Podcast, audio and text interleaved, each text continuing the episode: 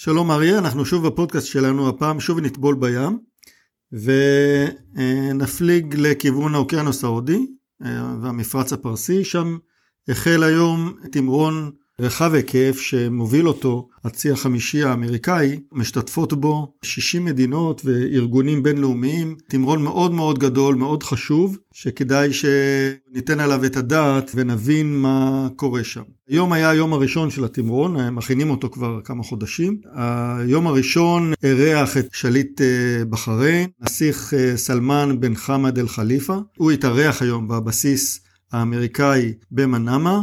משם פועל הצי החמישי, ושם גם פועל כוח המשימה 59, שאחראי על אה, הפעלת כלים לא מאוישים בכל המרחב. אז התמרון שבו מדובר, הוא נקרא IMX 2022, International Marine Exercise. זהו התמרון השישי במספר מאז 2012 אה, שאז אה, נחנך לראשונה. התמרון השנה מארח, כפי שאמרנו, 60 מדינות, השתתפו בו 50 כלי שיט ועוד אה, עשרות כלים לא מאוישים, שזה חלק מאוד משמעותי מהתמרון הזה, והשנה, בפעם הראשונה, השתתף גם כוח של חיל הים הישראלי, כוח משייטת 3, שזאת שייטת הסטילים. אנחנו עוד לא יודעים איזה כלים השתתפו, אני מניח שנראה אותם תמונות וסרטים במהלך הימים הקרובים, אבל אה, השתתפו סטילים של חיל הים. ותשתתף גם יחידת הלוחמה התת-מימית, הילת"ם, שגם היא תשתתף לראשונה בתמרון. אז מה יהיה לנו בתמרון הזה? מה, מה המטרה שלו? ראשית, יש כאן אה, עניין לשתף מספר גדול ככל האפשר של מדינות. מדובר פה על אה, מדינות מכל המרחב, מהמזרח התיכון, מאפריקה ומחלק ממדינות המערב. התמרון יחולק לארבעה כוחות עיקריים.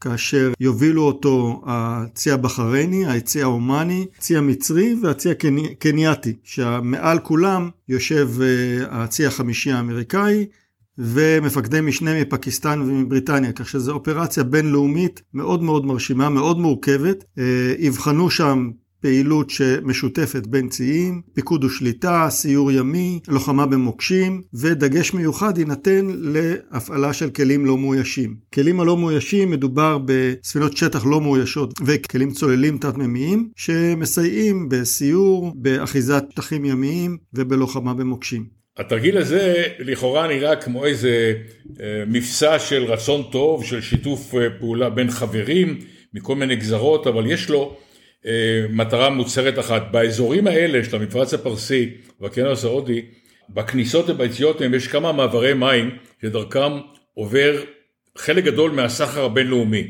והוכחנו בשנים האחרונות שגם ארגון מחבלים, לא רק איראן, גם ארגון מחבלים כמו ההותים, יכולים לגרום לקשיים, סתימה זמנית של הנתיבים האלה, שזה פגיעה בסחר הבינלאומי. בניגוד לתחומים אחרים שהאמריקאים נטשו את האזור כמעט לחלוטין, הכוח הימי שלהם באזור חזק, הוא ביקר בישראל בחודשים האחרונים, עשה פעולות עם אה, חיל הים, הספינות שלו היו בנמל אילת, ובהחלט לתרגיל הזה יש משמעות שכן אמנם לאיראנים אין שיא של ממש, אבל הם פיתחו בשנים האחרונות סוללות מנסיות, הם מפעילים מספר גדול של מוקשים ימיים, וכמובן שפעולות כאלה נעשות גם על ידי החות'ים בתימן, שהם השלוחים שלהם באזור. לכן לתרגיל הזה יש משמעות מעשית, לא רק אה, תיאורטית, אלא משמעות של צורך בשיתוף פעולה בין